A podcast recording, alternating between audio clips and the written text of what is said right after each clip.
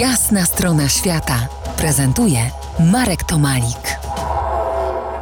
Dziś zabieram Was w Sudety Środkowe, do krainy, którą z łaciny nazywam Porta Lubawia. Jest to brama trzech narodów i wielu kultur. Tędy prowadził odwieczny szlak handlowy ze Śląska na południe. Ta sudecka dolina stanowi wrota, przez które na terytorium polskie wpływa rzeka Bubr, biorąca początek ledwie kilometr za granicą koło czeskiego miasteczka Zaclesz. Od tej doliny całe obniżenie nazwano Porta Lubawia, bramą lubawską. Goszczę tam cyklicznie od kilku dekad i w cieniu majestatu Śnieżki odkrywam magiczne zakątki Sudetów. Jej wysokość, Śnieżka, wiośnie się tam nie kłania, trzymając białą czapę do późno-majowych słońc. Mnie jakoś właśnie z majem najbardziej kojarzy się ten region. Wiele majówek tam y, mnie zagnało. Choć jesienią też bywałem. I jak tylko sytuacja na to pozwoli, zajrzę tam kolejny raz. I może Was, słuchaczy RMF Classic, do tego zachęcę.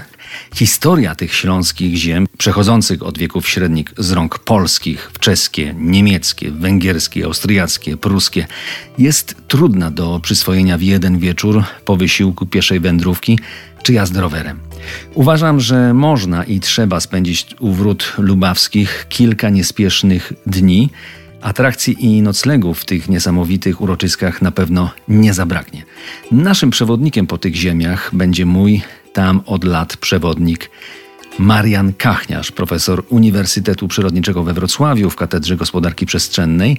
Zacznijmy od początku, od spojrzenia na mapę całych Sudetów. Sudety składają się z takich trzech części: zachodnie, środkowe i wschodnie. Najbardziej znane są te zachodnie, czyli Kotlina Jeleniogórska, Karkonosze. Pod względem ilości ruchu turystycznego na drugim miejscu zdecydowanie Kotlina Kłodzka i wszystkie grupy górskie które ją otaczają, czyli na przykład y, góry stołowe czy masyw śnieżnika, no to są te grupy górskie, które z reguły są kojarzone przez turystów i przez y, krajoznawców. Natomiast y, pomiędzy właśnie tymi dwoma obszarami są Sudety Środkowe, które są słabiej znane. I jak ktoś już tam się w nie zagłębi, to jest trochę zaskoczony i prawie każdy dochodzi do, tego, do, tego, do tej konkluzji, że niesłusznie są mniej znane e, na zewnątrz i warto o nich porozmawiać. Oj, warto.